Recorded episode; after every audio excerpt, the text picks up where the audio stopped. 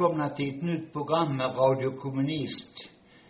Sveriges kommunistiska parti i Burlöv. Och vi som är i studion är Viktor och Jan.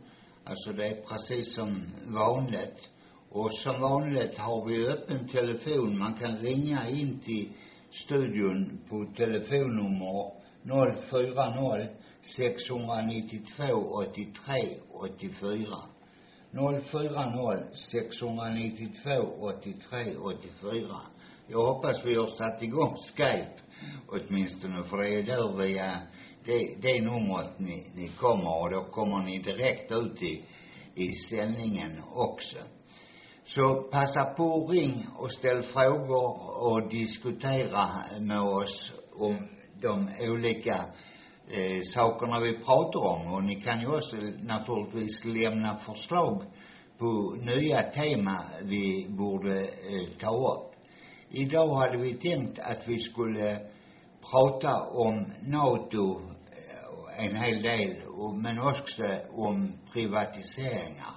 Och kanske vi hinner med en del fackliga frågor också.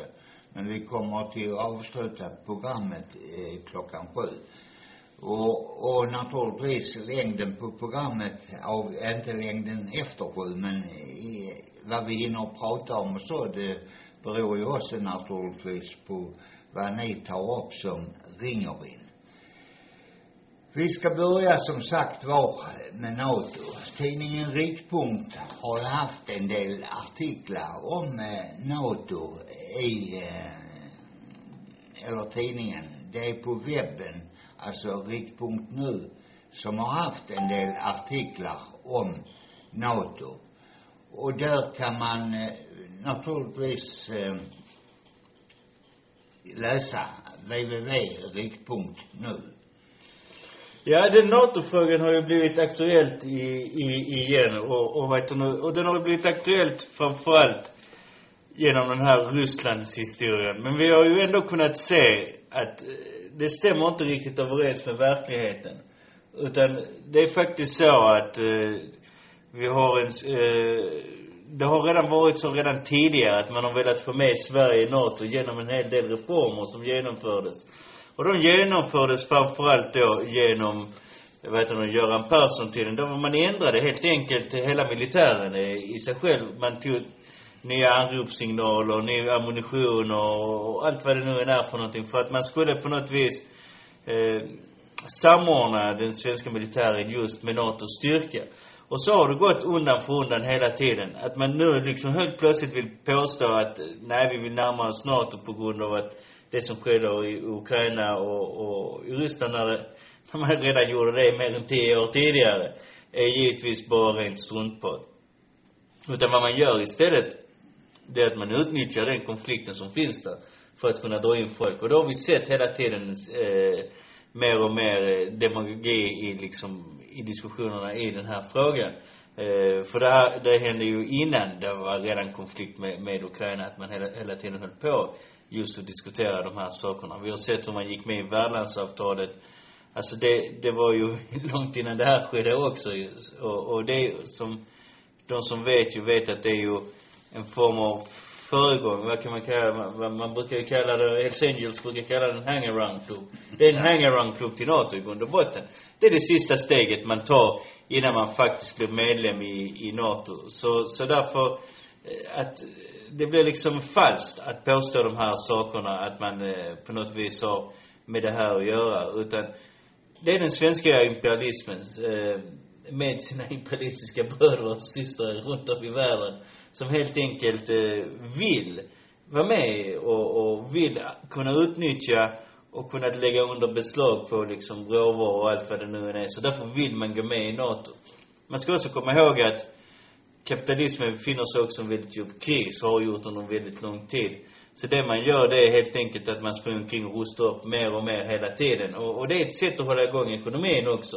Eh, även om man inte skulle bomba sönder någon överhuvudtaget så eh, gör man så på det viset. Man såg det till exempel inför första världskriget. Man gjorde exakt likadant. Och man har hållit på sådär en hel del de sista 10-20 åren tycker jag att man bara pumpar in mer och mer pengar just i militären. För att hålla igång ekonomin helt enkelt eh, i landet. Så det, det är inte så konstigt att eh, riksdagen nu har ändrat sig mer och mer i den här frågan. Men vi ser också hur vidriga, vilka språkrör egentligen media är just för eh, kapitalet och, och riksdagen. Man, man, de ska vara någon form av oberoende granskande institutioner och allt vad det nu är för någonting. Eh, men man, man ser liksom att när riksdagen ändrar sig i den här riktningen så har också de journalisterna som tidigare varit lite så halvt och halvt motståndare till NATO nu helt plötsligt blir NATO-vänliga och säger att nej men vi måste liksom mer eller mindre gå med i NATO. Ja. Det finns något som heter eh, det europeiska kommunistiska initiativet där också SKP är medlem. Och de har tagit ett uttalande som beskriver eh, mycket kring den, både den geopolitiska men naturligtvis också imperialismens strävan efter eh, eh, världsherravälde. De har ju naturligtvis i stort sett världsherravälde nu men trots allt så är det eh, väldiga motsättningar i dem bland imperialismen. Och, och det är ju det eh, det europeiska kommunistiska initiativet eh, tar fasta på. Och de har ett uttalande som kom eh, för, det kom väl strax innan jul förresten, tror jag. Om jag är rätt på det, annars så kom det direkt efter, eh, efter jul. Det, eh, det lyder i varje fall som så, eller jag ska bara ta utdrag av det. Vi fördömer USA, NATO och EUs imperialistiska planer som har utvecklats under den senaste perioden som leder till ytterligare skärpning av den inomimperialistiska konkurrensen vilken utsätter folken för stora faror. Tävlingen mellan USA och Kina om överlägsenhet bildar farliga konflikter i Indu, Indus-Stilla havsområdet och många andra delar av eh, världen. Det nyligen genomförda militära samarbetsavtalet mellan USA, Storbritannien och Australien, AUKUS, är en karaktäristisk utveckling. NATOs expansion över hela världen, militärövningarna och koncentrationen av styrkor vid de ryska gränserna, stödet från den antifolkliga regimen i Ukraina och möjligheterna av Ukrainas anslutning till NATO, skärpningen av konfrontationen vid gränsen mellan Polen och de baltiska staterna med Vitryssland och utnyttjandet av flyktingfrågor i den imperialistiska konkurrensen skapar en mycket farlig situation som tvingat, eh, tvingar folket att vara vaksamma. Inom NATOs ramar deltar EU i gigantiska militära övningar som kommande Atlantic Resolve 2022, 2022 med baser eller beväpningsprogram samtidigt som man genom det permanenta, permanent strukturerade samarbetet PESCO främjar stärkande av den europeiska armén med upp till 5000 soldater samlade under beteckningen Rapid Deployment Kapacitet baserat på den så kallade direkta ingripa över hela världen för att ta en större del av omfördelningen av marknadens inflytelsesfärer, energiresurser och transportvägar till förmån för de europeiska monopolens intresse som intensifierar sin penetration i tredje länder med hjälp av finansiella tillgångar och icke-statliga organisationer. Förväntningar och falska påståenden om att vilja förebygga invandring och skydda mot mänskliga rättigheter. EKI-partierna, alltså det kommunistiska, europeiska kommunistiska äh, initiativet, är bestämt emot EU, USA och NATOs imperialistiska planer. Vi förser folken med information och bidrar till organisationen av den antiimperialistiska kampen. Vi kämpar mot illusioner från opportunistiska krafter och de så kallade europeiska vänsterpartier och möjligheten till ett folkvänligt reform av EU. Vi uppmanar folket att gå med i kampen för att slita sig loss från EU, USA och NATOs och alla imperialistiska eh, planer, eh, sammanslutningar och imperialistiska planer, vilket är en väsentlig del av kampen för arbetarmakt och socialism. Och det är ju riktigt som man säger och tar upp i uttalandet. Eh, nu börjar vi naturligtvis att prata om Sverige och om hur de egentligen följer det initiativet som NATO och USA och den europeiska imperialismen strävar efter. Det tydligt, det var ju tydligt med Magdalena Andersson. Och än tydligare har det kanske eh, blivit genom han Hultqvists framträdande på Folk och Försvars eh, kongresser där han hela tiden utmålar eh, Ryssland som eh, hotet mot Europa. Det, det är ju naturligtvis, alltså det, det är inte hotfullare att eh, till exempel Ryssland placerar, eh, har en eh, massa soldater vid, vid, vid deras, eh, Ukrainas gränser. Som om att eh, NATO vill försöka få in Ukraina som medlem i NATO. Just för att man ska kunna placera missiler och kärnvapen så nära som möjligt. Man vill, alltså NATO har ju som Viktor sa sagt att de kommer även till att använda kärnvapen i, i ett eh, första slag. Och, och, och det, de vill ju naturligtvis då eh, sätta kärnvapen eh, så nära Moskva och, och Ryssland och naturligtvis också Kina på sikt, så nära de länderna som möjligt. För då blir förvarningstiden för ett kärnvapenanfall mycket kortare och mycket svårare naturligtvis att eh, slå tillbaka. Men man ska ju naturligtvis inte förledas att tro att eh, USA och Kina och, och de andra länderna är villiga att bli ett eh, ensamt slagfält för kärnvapenkriget. För de kommer ju naturligtvis att eh, slå tillbaka. Och man påstår ju ofta då att det bästa sättet att eh, försvara sig, det är att rusta för krig. Det är det naturligtvis inte. Det, det är inte sant. Men det tycker ju naturligtvis imperialismen är intressant för de eh, eh, bibehållarna av imperialismen, de som vill upprätthålla imperialismen, det är ju naturligtvis de som också gör profiter och tjänar pengar, massor av pengar på den militära upprustningen. Och, och naturligtvis som kommer till att betalas av arbetarklassen och det arbetande folket. Det arbetande folket och arbetarklassen har allt att vinna på nedrustningen. Tänk så enorma resurser där skulle kunna gå till sjukvård och skola och omsorg och Eh, för att skapa arbete också, för det är inte så att eh, militärindustrin eh, skapar mängder av arbete. Utan eh, tvärtom så skäl den många möjligheter till att utveckla riktiga arbeten som skulle tillföra något värde till, till det arbetande folket. Ja, alltså det enda man kan ju säga, och där finns någonting som är positivt med militärindustrin, det är att de är rätt duktiga på att använda ny teknik. Det har de alltid varit på. Men i övrigt så finns det liksom ingenting som positivt överhuvudtaget med det, utan det är, precis som du säger, det, är- det är en, det är någonting som helt enkelt dränerar samhället på resurser.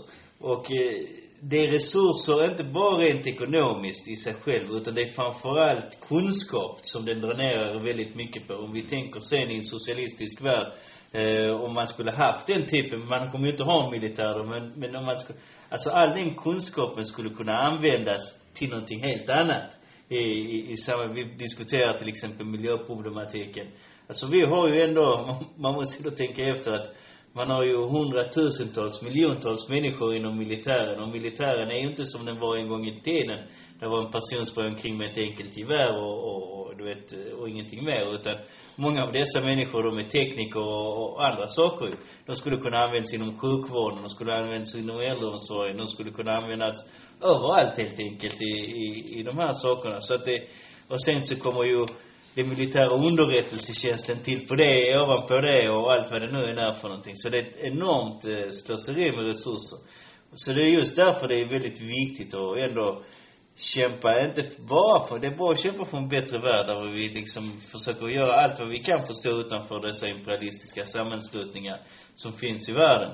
Men det är också viktigt att komma förbi den punkten också, att man verkligen slåss för någonting annat. Inte bara att man hamnar i någon form av defensiva åtgärder hela tiden, utan man måste på något sätt flytta fram positionerna kontinuerligt. Och en av de ställena är ju faktiskt att kämpa just mot, eh, eh mot NATO och andra. Och inte ta ställning eh, vare sig för Ryssland eller andra när det gäller de här situationerna, utan ta endast ställning för arbetarklassen och så vidare. Men också just, och det gör man genom att eh, bekämpa ett medlemskap i NATO. Det gör man genom att helt enkelt lovorda att man inte ska sätta mer och mer pengar på militär upprustning. För den har vi ju sett hur den har ökat. Den var nere på Sverige hade ju alltid en extremt hög nivå på sin militära utgifter jämfört med många andra länder. Eh, sen efteråt så minskade den något, men nu har man liksom börjat försöka skjuta tillbaka den till samma nivå. Ungefär lite över och runt där vad man vill ha för att bli medlem i NATO helt enkelt. Ja, alltså det med teknik, ja visst ja, är de framgångsrika på teknik, men jag menar om vi ser till exempel rymdprogrammet så var det också äh, øh, lett till många äh, øh, tekniska äh, øh, innovationer. Alltså det är ju för att man satsar så in enormt, alltså man satsar till exempel USA har en miljard, bil, en budget på 782, tror jag, miljarder dollar. Alltså, där finns inget annat område som man använder alla de eh, så stora resurser på. Och det är klart, det skulle ju vara fan om de inte var bäst på att få fram ny teknik. Men så behöver ju naturligtvis inte satsningen vara. Hade de satsat lika mycket på, på eh, att få fram ett bra vaccin mot till exempel den här covid-pandemin, eh, då hade ju naturligtvis inte vi behövt ta tredje och snart blir det väl fjärde sprutan också. De har egentligen inte eh, något eh, riktigt, eh, riktigt bra vaccin eftersom man hela tiden måste fylla på och det är, jag vet inte, jag är ingen expert på vacciner och annat men, men jag vet inget annat vaccin som man eh, behöver hålla på och fylla på vart, eh, eh var sjätte månad. Eller nu ska man till och med försöka dra ner på perioden. Man, det ska inte gå så, ja, fem månader istället. Alltså man ska fylla på var femte månad. Och då kan man ju fråga sig varför att man inte använder mer eh, resurser. Men eh, jag vet inte, det kan också vara ett sätt för medicinföretagen att eh, ha en säker avsättning på eh, produkter så de har stora profiter hela tiden. Ja men vi kan ju läsa till exempel, det är ju, vad är det, 30 eh, miljoner amerikaner som saknar, vad heter det, en, en sjukförsäkring och, och sådana saker. Alltså har du ett land som har ju inte tusen militärbaser runt om i världen som kostar hur mycket pengar som helst ju. Alltså det blir, en- det är ju verkligen en absurd situation när man betänker hur USAs politik egentligen är. Den är ju verkligen i extrem form ändå drivit, helt enkelt för kapitalets intresse. Alltså det är ju alla borgerliga stater men, men här är det ju verkligen extremt när man, när man har en sån otrolig förmåga liksom att eh, exportera både varor och tjänster men också ha militär utomlands överallt. Och sen så har du folk som inte har tillgång till, eh, vad heter det nu, till sjukvård. Och det är inte bara till sjukvård. Alltså det är, det är vissa delar var de har inte tillgångar till rent vatten till och med. Så, så att det är ju som ett u-land i, i, i många aspekter. Eh, trots att det är en av världens mest utvecklade länder samtidigt ju. Och det visar ju ändå hur ohållbar kapitalismen ändå är i sin förlängning egentligen i grund och botten. Att man kan verkligen ha den typen av prioriteringar i, i sitt samhälle. Och det där tillkommer ju egentligen eh, Eh, på arbetarklassen. Och det är arbetarklassens ansvar att förändra den här politiken. Vi kan inte be dem att förändra någonting. Varför skulle de göra det? De tjänar ju pengar på det. Det- Där finns ju ingen anledning till att tro att de skulle kunna driva en annan politik. Utan det är arbetarklassen som måste tvinga dem till helt enkelt att föra en annan politik om de vill fortfarande existera. Eh, till slut så måste arbetarklassen ändå utveckla sin medvetenhet så mycket att man sen gör av sig med dem helt enkelt. Men just det här med att eh, man bara mer och mer pumpar upp pengar, eh, in pengar, det, det ser man tydligt. Och Sverige är givetvis en del av det här. Vi har ju sett hur Sverige agerar också utomlands mer och mer den sista tiden. Och Där var man har faktiskt aktivt deltagit i krig. Alltså man hör ju inte det en enda gång eh, på någon eh, tidning eller något sånt att man säger att vi faktiskt deltar i krig nu. Utan det blir hela tiden omskrivningar. Ja, vi deltog aldrig i kriget i Libyen. Vi bara satte ut markerade mål med flygplan och, och militärpersonal som var där så att andra kunde bomba sönder. Vi deltog egentligen inte i kriget i Afghanistan för vi var bara där för att skydda skolor eller vad det nu var för någonting. Vi deltar inte i det andra kriget eller det tredje eller det fjärde och, och, och så vidare. Utan man har hållit på så här nu i, i snart 10-15 år. I, i 20, nästan 20 år just med den här diskussionen. Nej, vi deltar faktiskt i krig och vi deltar i, i princip i alla större krig eh, nu mer eller mindre. Vi har trupp nere i Irak och allt vad det nu är för någonting. Så, så att man kan inte liksom komma undan med det där längre utan vi är precis, det som en gång i tiden kanske ansågs vara speciellt med Sverige, det existerar inte längre utan vi är precis eh, lika goda imperialister som alla andra. eh, Bara är vi lite mindre. Vi är inte så stora eh, eh, i den bemärkelsen. Nej, man ser tydligt nu, alltså, Ryssland här i, närheten av Europa. Alltså hur man söker efter en eh, fiende utomlands. Man måste ha en fiende eh, utifrån. Det, dels är det ju naturligtvis invandrarna, men det räcker inte med dem. Man måste ha en som kan... Det blir svårt att satsa på militären. Ja, precis. Man måste hota med krig och annat. Och då tar man då att de ryska truppsammandragningarna utanför ukrainska gränsen. Men man har inte sagt ett ord om att den ukrainska armén håller på med ständiga beskjutning av de, den utbrytarrepublikerna i Ukraina som inte ville eh, godkände den fascistiska kuppen som skedde i, i Ukraina 2014. Och det har, det har de inte själv heller, alltså EU och de andra länderna. De har eh, fördolt det på alla sätt och vis. Och, och det är ju naturligtvis, alltså jag, jag kan ju förstå att, eh, att ryssarna vill ha soldater så nära eh, som möjligt om, om Ukraina skulle eh, vilja expandera och, och så. Och, och det är ju naturligtvis ryssarnas eh, rätt att själv bestämma var de vill placera sina soldater. De påstår ju hela tiden att, att ryssarna eh, vill eh, vill eh, styra andra länder genom att de ska förbjuda dem att gå med i NATO. Naturligtvis är det väl inte konstigt att det pågår en eh, dialog om man, man säger så. Och, och då spär Hultqvist och militär eh, ÖB på det här. Man har upprättat alltså någon sorts eh, beredskapsstyrka på, Ga- eh, på Gotland. Så, så där är eh, alltså från, där är, ju- jag vet inte hur många regementen där är kvar. Jag har faktiskt själv gjort lumpen på, på Gotland. Men nu, nu ska eh, svenska soldater patrullera på Visbys gator och visa upp sig att de är beredda på att försvara Visby om, eh, om, eh, så, eller Ryssland anfaller. Eh, man pratar också om de tre båtarna, alltså landstigningsbåtar som åkte igenom Öresund till Östersjön, kom från eh, någon av de eh, ishavsbaserna eh, Ryssland har, alltså i norra Ryssland, och gick runt och, och, och gick in i Östersjön.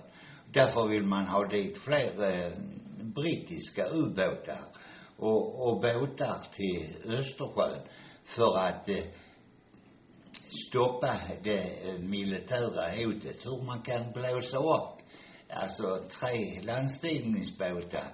Det är klart de är stora, det är säkert eh, rymmer 5000 soldater. Eller eh, kanske fler.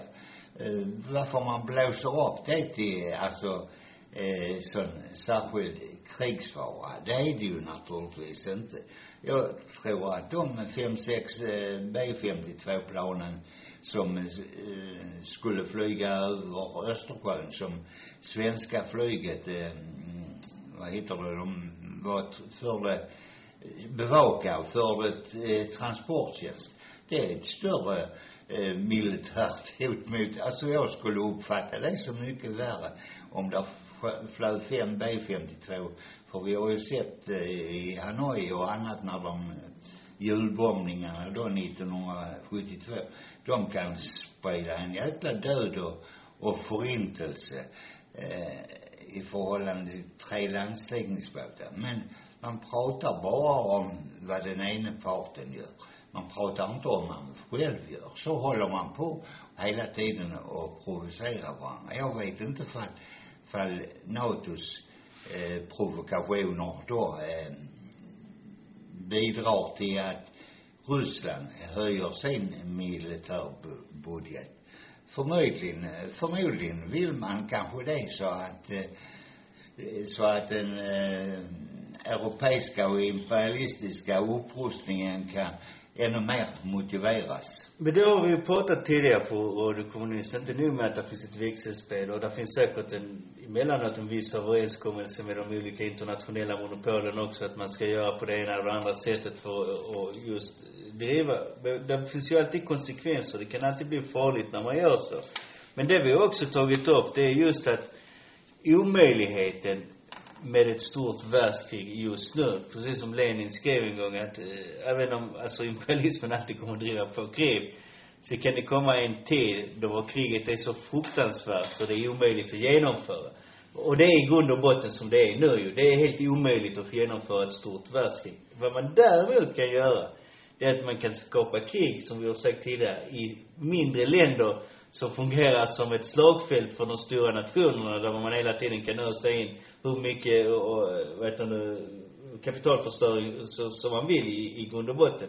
Och även om du förlorar den konflikten så vinner du ändå den konflikten för du har ändå tjänat så jävla mycket pengar på den eh, till slut. Så du behöver liksom inte vinna en sådan lite mindre konflikt. Och vi har sett till exempel Syrien, det var lite av den där naturen. Och, och det, vi har ju länder som till exempel Sudan och andra där, var, all- där finns väldigt stora intressen i, och, och vi ser vad som sker i Libyen och, och andra. Och jag menar, det är ju ingen som bryr sig. Jag menar, alla vet ju att det går minst 10 000 araber på en svensk och, och säkert 100 000 afrikaner på en svensk eller något så, så det är ingen som bryr sig liksom i grund och botten. För folk tänker, ja men de står alltid ihjäl sig och där finns mycket folk och allt vad det nu än är, så det är till och med säkert bra. Eh, för så cyniska är man ju egentligen. Utan man borde ändå fatta liksom att det här är ju egentligen ett resursslöseri i grund och botten. Och det är det just vi ska komma in på att eh, efter den här eh, lilla musiken som vi kommer efter, att ni ska förstå att förhållandet att man satsar pengar på det här och att det blir privatiseringar också i framtiden utifrån det.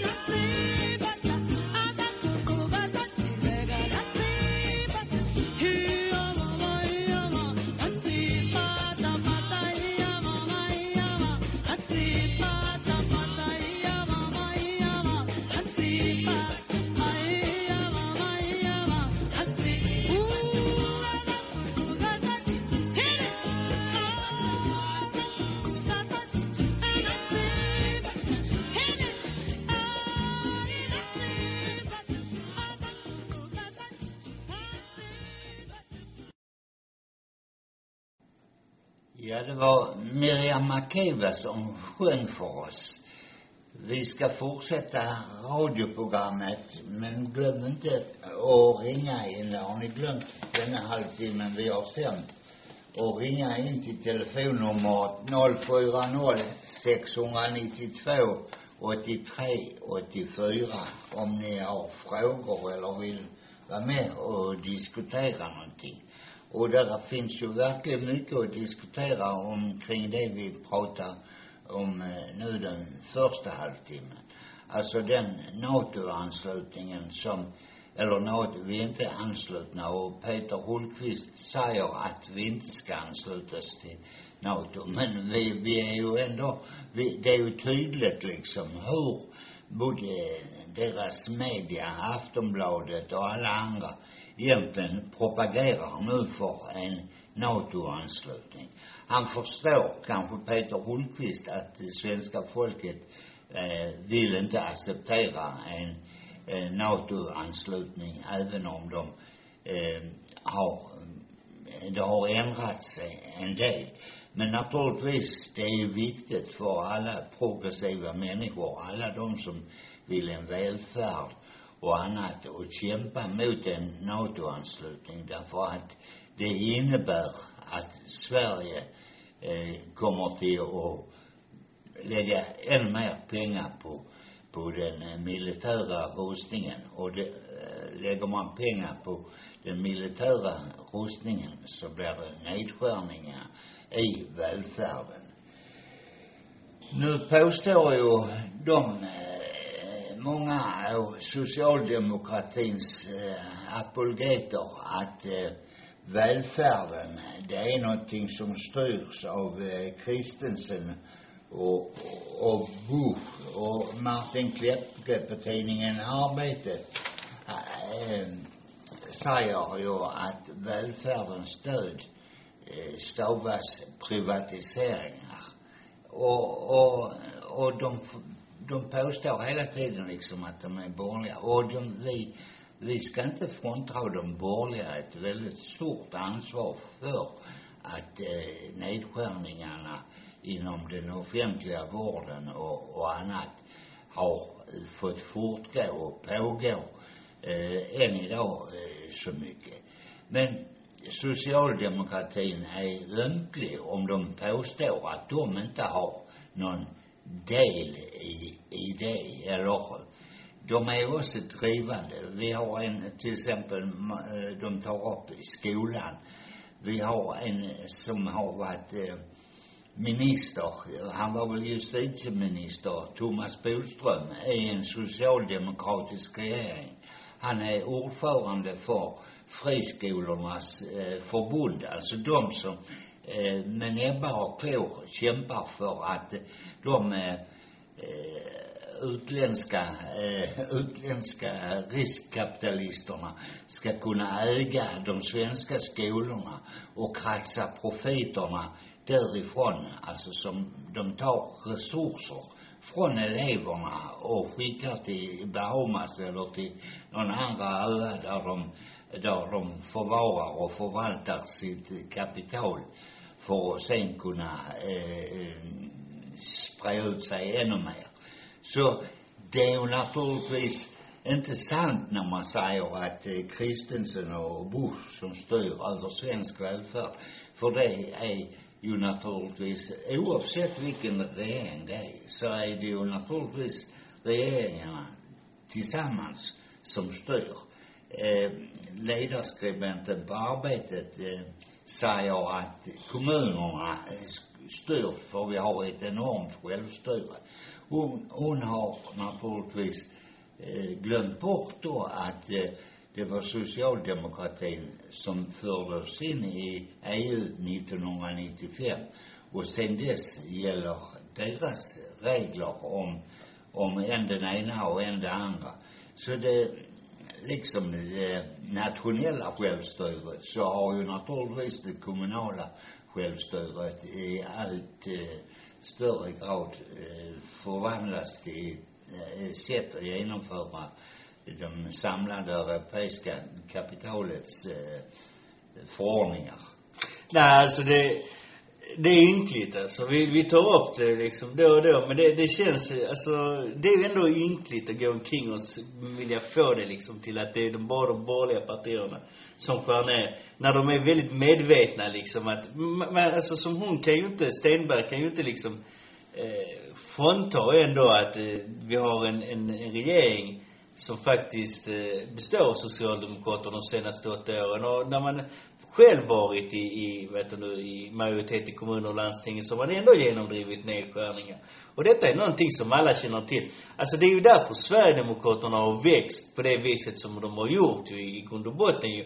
Just på, på grund av att sossarna och ändå, eh, och vad heter det, de andra eh, mopparna har också eh, skurit ner liksom i välfärden och sådant. Och folk ser dem som ett alternativ kanske. Kanske de kan fixa det här på något vis, eh, eller vad det nu är för någonting. Så att, när man kommer bara från Stenberg och Kepke och, och vill påstå de här sakerna, det, det är, då har man blivit en apologet i grund och botten. Och för er som inte vet vad det är, det är, det är egentligen en religiös person som kan förlåta alltihopa, va, oavsett vad som står i Bibeln eller, och, eller vad dess uttolkare säger för någonting. Och det, det är precis vad de här människorna är liksom. De förlåter liksom sossarna alltihopa, för de vill, de är helt enkelt bara en form av språkrör för dem. De har inga egna självständiga åsikter känns det emellanåt. Utan det enda de gör liksom, det är att eh, på något sätt vill tvätta Eh, två sossarnas händer rena hela tiden och, och det måste bli svårare och svårare att göra det där. Jag menar till och med Klepke går omkring och babblar om liksom privatiseringen av arbetsförmedlingen. Men, men det är ju sossarna som har genomdrivit det förslaget nu ju. Det är ju ingen annan som har gjort det. Givetvis genom regering. Och så låtsas man, ja men du vet eh, Centerpartiet, eh, det är just, eh, det är de som tvingar sossarna att göra de här sakerna. Så, så att Nej, det är ingen som tvingar sossarna att göra någonting överhuvudtaget. Socialdemokraterna är Sveriges överlägset största organisation som styr över varenda en jävla fackförening, eh, hyresgästförening, eh, PRO och, och allt vad ni kan tänka, varenda en sån organisation som finns. Som har miljontals medlemmar i Sverige. Medan Centerpartiet kan knappt få ihop, de har väl den riksdagslistan och sen har de väl knappt några fler organisationer någonstans. De, jag vet att de hade ingen i Malmö i alla fall ett tag, under väldigt lång tid. Alltså det är ett parti som knappt kan få ihop någon organisation alls överhuvudtaget. Och så menar man på fullt allvar att de är, att sossarna är gisslan till dem. Nej, givetvis är det inte så. Utan de själva driver den politiken de vill driva.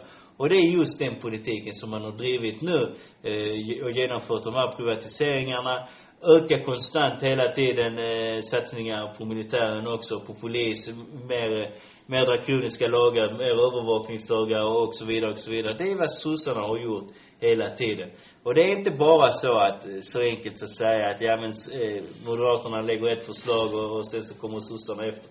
Nej, det är för att sossarna själva vill ta det. Annars hade man ju givetvis inte genomfört de sakerna. Hade man, hade man inte kunnat vaskat fram en egen majoritet, hade man sagt, vet du vad, då får ni styra liksom och sen när vi, vi kommer få en, en annan typ av politik sen i framtiden. Så, så enkelt är det. Och, och jag tror säkerligen man hade fått en stor del av arbetarklassen bakom sig. Och, och nu menar jag inte att de skulle sprungit omkring med röda fanor och kalasjnikovs eller något sådant. Utan jag menar om man bara hade fört en lite mer offensiv politik till välfärden så tror jag säkert de hade utraderat eh, både Sverigedemokrater och andra relativt fort i, i sådana fall. Vi har sett hur det har gått nu i, i, i Danmark. Där man gjorde vissa satsningar och då utplånar man Dansk Folkparti nästan direkt. Visserligen har man tagit över en del av den rasistiska jargongen själva. Men de existerar i praktiken inte som parti längre. Så att när man säger, man kan liksom inte påstå de här sakerna utan givetvis är det de själva som är ansvariga för dem. Och varför är det så? Jo, helt enkelt för att de är kapitalets drängar och ingenting annat i grund och botten. Och, och därför så måste de föra den typen av politik. Medan kommunisterna är givetvis inte kapitalets drängar utan vad vi är, vi har inga motsatta intressen eh, för vad arbetarklassen har. Jo, alltså det med Arbetsförmedlingen att eh, Centerpartiet drev igenom det, eh, vad som, vad som gjorde att man lyckades, eller att man eh, lyckades, lyckades, man misslyckades att eh, frånta då eh, Arbetsförmedlingen, alltså privatisera Arbetsförmedlingen, för det var ju det som hände. Det var ju naturligtvis deras, alltså socialdemokratins vurmande för eh, att sitta eh, direkt vid köttgrytorna. De var väl rädda att de skulle bli förfördelade om de gick i opposition. Men det är inte så att oppositionen här i Sverige har så mycket mindre ekonomiskt bistånd eller på annat sätt och vis. Och de hade säkerligen kunnat fått eh, många fina uppdrag ändå, eh, trots det. Utan de, de, man måste ju naturligtvis vara motståndare riktigt till en politik om man vill. Vill, vill man, eh, vill man alltså privatisera eh, arbetsförmedlingen så gjorde man det och mot, eh, det gjorde man för att man skulle sitta vid köttgrytorna eller sitta i regeringsställning. Det var ingenting som tvingade dem att eh, ha eh, en regeringsställning. Det kunde de mycket väl låta eh, borgarna eh, göra. Men det sa ju Magdalena Andersson nu precis innan hon blev statsminister. Hon sa ju själv, ja du kommer att styra på en moderat eh, budget. Mm. Så sa hon, ja men det där finns inte så stor skillnad mellan dem. Ja men det, det har vi vetat väldigt länge liksom. Sen sprang den moderata oppositionen och låtsades vara upprörda när hon sa det där. Eh, men det är ju just för att de vill verka ju som de är i opposition till varandra. Vilket de egentligen inte är ju i grund och botten. Utan inriktningen, allting är exakt likadan. Det är precis samma politik i grund och botten som man får. Och, och, och de agerar precis som att om du går in och handlar på ICA eller på Domus. Alltså, ja det är lite billigare på en grej på ICA och det är lite billigare på en annan grej på Domus. Men, men i, i princip har de exakt samma priser. Och, och det är likadant här liksom. De, de är exakt likadana. Ja, de kanske ena är bättre på en sak än vad den andra är i ett styck. Men i allmänhet så driver de i, i princip exakt likadan politik ju. Och, och jag menar, och det enda som har fått betala för den typen av politik, det är just arbetarklassen. Och det, det kan vi ju se på all statistik som har genomförts de sista 20-30 åren. Vi hade till exempel den där kommissionen, Malmökommissionen, som tittade på utvecklingen i, om fattigdomen i, i Malmö. Men vi har sett andra sådana undersökningar som visar just att eh, där eh, förmögenhetskoncentrationen hela tiden ökar i, i, i, i, i Sverige. Och Sverige är inte bara så att den ökar i Sverige. Utan Sverige är faktiskt en av de värsta länderna där var den ökar hela tiden. Eh, I hela OECD, där var man menar på att det finns inget annat land som det ökar så mycket som just i Sverige. Eh, och att eh, de klyftorna, som man brukar kalla det, är ungefär på samma nivå som det var på 1930, alltså själva utsugningsgraden då. Givetvis har vi en bättre standard, levnadsstandard, men utsugningen bara ökar konstant hela tiden just i Sverige. Ja, så är det. Och om man tar en av de aktuella privatiseringarna som eh, man inte pratar om så mycket om, eh, om eh, privatisering egentligen, det är ju elhandeln. Vi har sett nu hur eh, el, elpriserna här eh, nere i Skåne i varje fall, den har, det är lite mindre längre upp i landet och, och ännu mindre upp i, i i Norrland. Men här i Skåne har elpriserna ökat med 250 procent. Och det innebär ju naturligtvis en ökad dryg kostnad. En som har haft en elräkning på, på 1000 kronor innan får en på 4000 nu. Nu eh, i Norge tog man ju beslut att staten skulle gå in och täcka upp eh, mellanskillnaden för det drabbar ju norrmännen också. Och, och det har eh, nu har regeringen sagt här att eh, man ska gå in och kompensera alla som använder mer än 2000 kilowatt i månaden. Alltså då ska staten betala en del av de pengarna som, som man betalar för över 2000 kilowatt. Moderaterna tyckte det var ett dåligt förslag, eller Moderaterna kom först med ett förslag, att man skulle sänka elskatten, alltså man skulle sänka statens inkomster på, på elhandeln, eh, så kallat, eller med, eller på den el som producerades. Och, och egentligen så går de ju ut på samma sak bägge två, om staten går in och betalar pengar eller man slopar en skatt det innebär ju i vilket fall som helst alltså en utgift för staten. Men det är Svensk kraftnät som har ansvar för det statliga kraftnätet. Det är de som har byggt ledningarna som har gjort det möjligt för, för nu de eh, elproducenterna, de eh, fyra, fem monopolen i Sverige som, som producerar all vår el. Det är ju de fyra, fem monopolen som har fått, eh, som har höjt priset 250 procent tack vare att de har, att Svenska elnät har byggt eh, ledningar till dem så de kan exportera en massa el till Tyskland.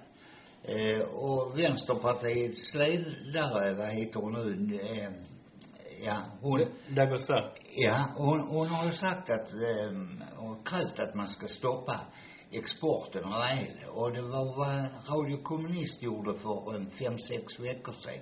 Och det skulle ju vara naturligtvis eh, vara ett led eh, i det därför att eh, jag sa till någon att man borde hugga väck, hugga av ledningen uppe i Karlshamn och i, nere i Trelleborg och sånt. Men där håller man på, alltså Svensk kraftnät håller på tillsammans med ett tyskt bolag på bygga ut en ny ledning som ska vara klar eh, 1925, nej 2025 tror jag det var. Så att man ska kunna öka elexporten ännu mer. Och, och då påstår de ju att, ja men vi ska importera oss, eh, alltså vi ska, när, när vindkraften snurrar ner i Tyskland så, så ska vi importera därifrån. Men vi ska veta att de här priserna kom, om inte man ingriper mot dem, så kommer de till att stiga ytterligare. Från årsskiftet så håller nu eh, tyskarna på att avveckla tre, ytterligare tre kärnkraftverk. Och det innebär alltså att det kommer till att uppstå en ännu större brist på el nere i Tyskland. Och, och de svenska producenterna får då möjlighet till att sälja ännu mer och pressa upp priset. Och man säger att priset avgörs av marknaden, alltså på elbörsen i, i, i Oslo. Det är ju en lösasmarknad. Och, och den är också en delägd av Svensk kraftnät. Alltså så då Svensk kraftnät eh, eh, ser till så att profiterna stiger.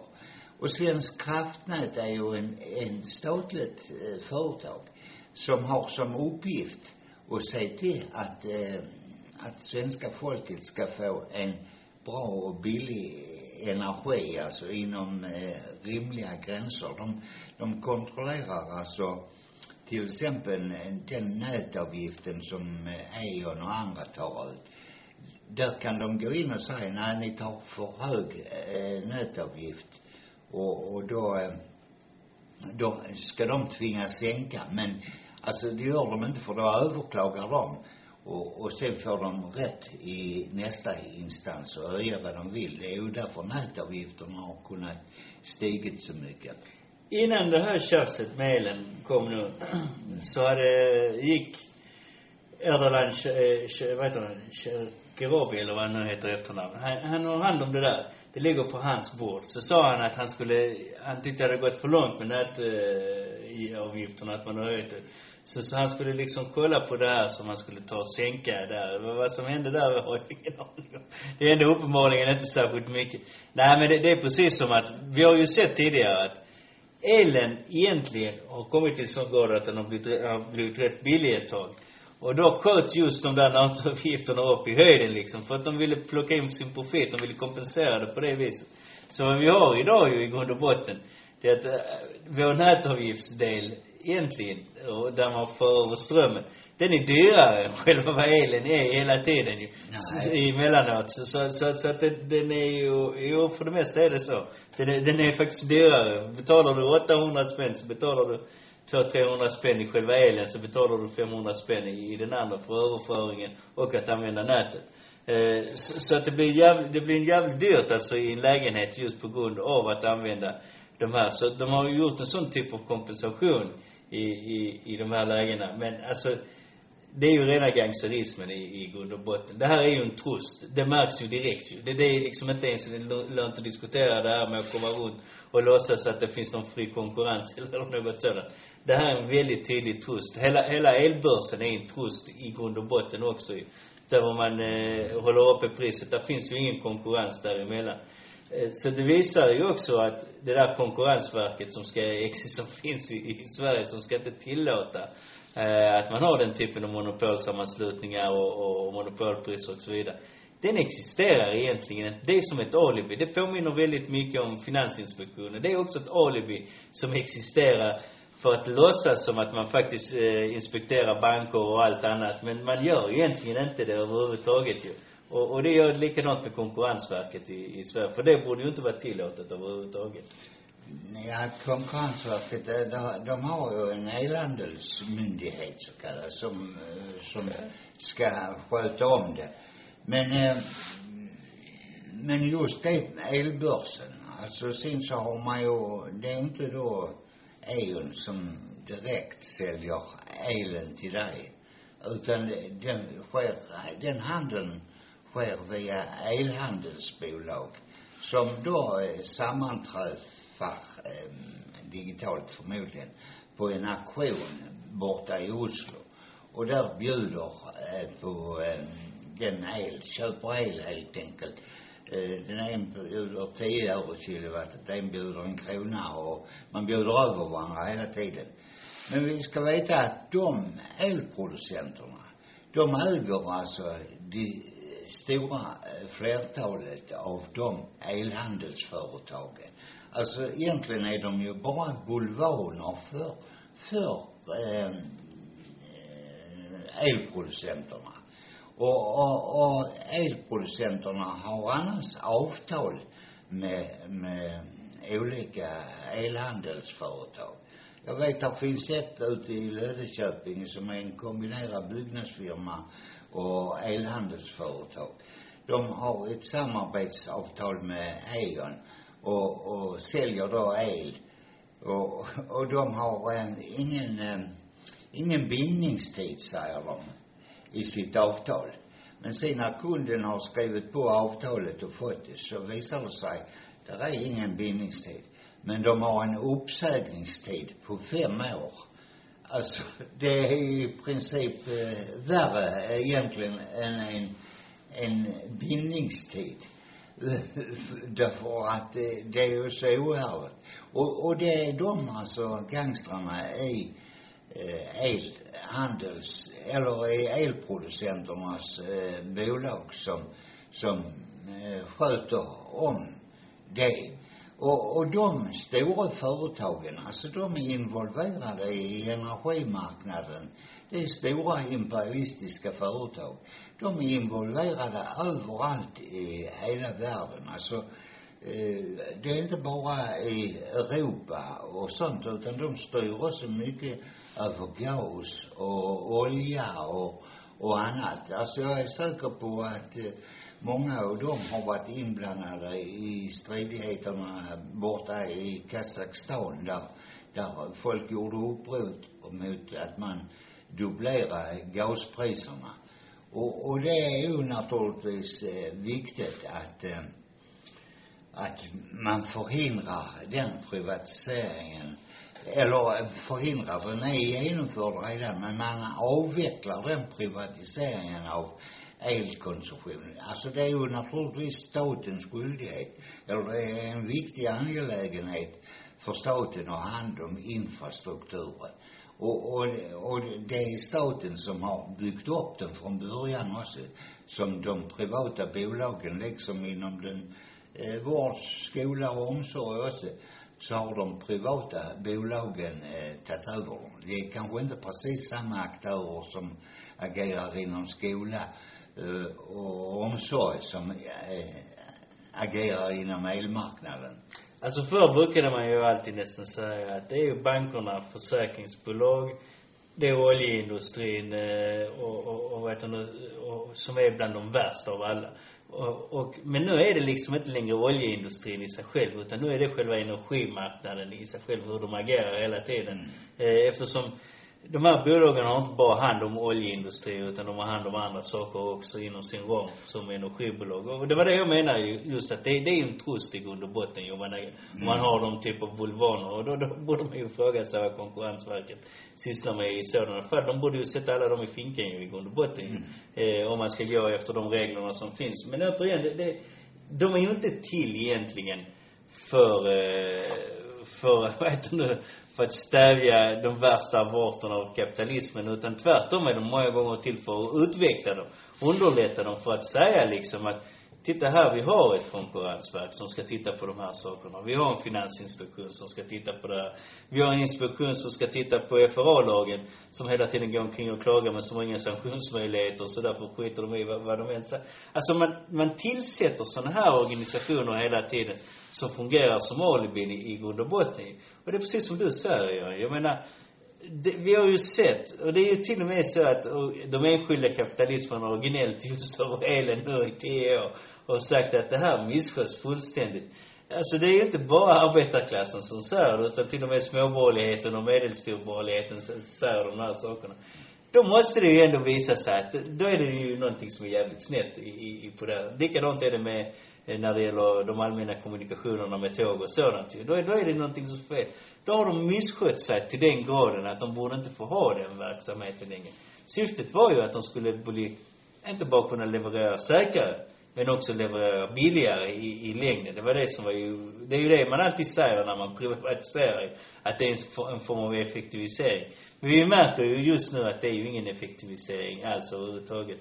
Så därför är det givetvis viktigt, precis som vi tog upp här, att delvis ska man strypa exporten, framförallt i sådana här tider när du betalar två, tre kronor eh, för, för strömmen ju. Då, det, det säger sig själv ju. Ja, eller fem. 450 eller vad det nu. Men, men jag menar, det, det säger det sig själv att du inte exporterar under så, när du själv har ett överskott ju av el i, i, där hemma. Eh, Då får man ju hålla det nere. Ligger vi på 30 öre och, och vi har ett jätteöverskott. Ja, då kan jag förstå liksom lite att man exporterar det ju eh, och får in lite pengar till statskassan. Men jag menar, i sånt här... Nej men alltså, men, nej men, men, men jag menar, statskassan. men jag menar om det hade varit ett statligt bolag, hade jag förstått Ja. att man hade gjort så på det Därför viset. det kostar staten. Det är staten som står för alla de stora ledningarna för Balticabel och Nej men jag menar om de hade haft det och Ja. de man hade sålt det vid den tidpunkten när det är som lägst, Ja. när det är 10-20 år, då har jag, då har jag förståelse att man gör det vid, vid det tillfället. Men jag menar, i ett sånt här tillfälle ju, det visar ju ändå bara hur korrupt ett system i grund och botten är. Och de vill givetvis ha det så här hela tiden. Det är självklart att de blir jätteglada om Magdalena Andersson går ut och säger, ja men vi ska kompensera, vi, låt oss kompensera med 10 miljarder, 20 miljarder. Ja men då höjer vi det mer, bara mer ju. Alltså med just Ja, alltså problemet med Ja. den kompenseringen det är ju att det betalas direkt in till monopolen för att upprätthålla det. Det är därför de blir glada. Profiter, ja de får hjälp. Det är ungefär som man har gjort det med marknaden då innan. Man skapade en massa lån, möjlighet så att folk skulle kunna konsumera. Här ger man dem pengar för att de ska kunna betala elräkningen. Och Kristensen säger att man ska sänka skatten. Också för samma sak. Alltså det visar hur styrda de är av monopolens eh, agerande och strävan efter maximal profit. Så därför är det viktigt alltså att stoppa exporten av el. Där, och, och naturligtvis, och att man lägger ner den där elbörsen och fastställer ett eh, normalt eh, elpris. Alltså det, det brukar ligga på 60 öre, har ligger på 60 öre ungefär de tio sista åren. Och, och jag menar, det, det är det, det är ju förmodligen de produktionskostnader man har för elen. Nu vill man ju sä- höja den för att man ska kunna subventionera utbyggnaden av vindkraftverk och, och, man ska kunna ge bidrag för eh, solpaneler och annat. Men det, eh, det bör ju inte, eh, Det gör man för att de går back ju hela tiden. ja. Man måste subventionera Alltså, därför att de inte är effektiva helt enkelt. Med det så säger vi tack och gör och ha en trevlig helg. Framåt kamrater, vi luppror manar Vår röda fana, vår röda fana Framåt kamrater, i uppror manar vår röda fana som segern ger. Röda fanan ska mot seger gå. Röda fanan den ska segern nå. Röda fanan ska mot seger gå. Leve socialismen, leve friheten.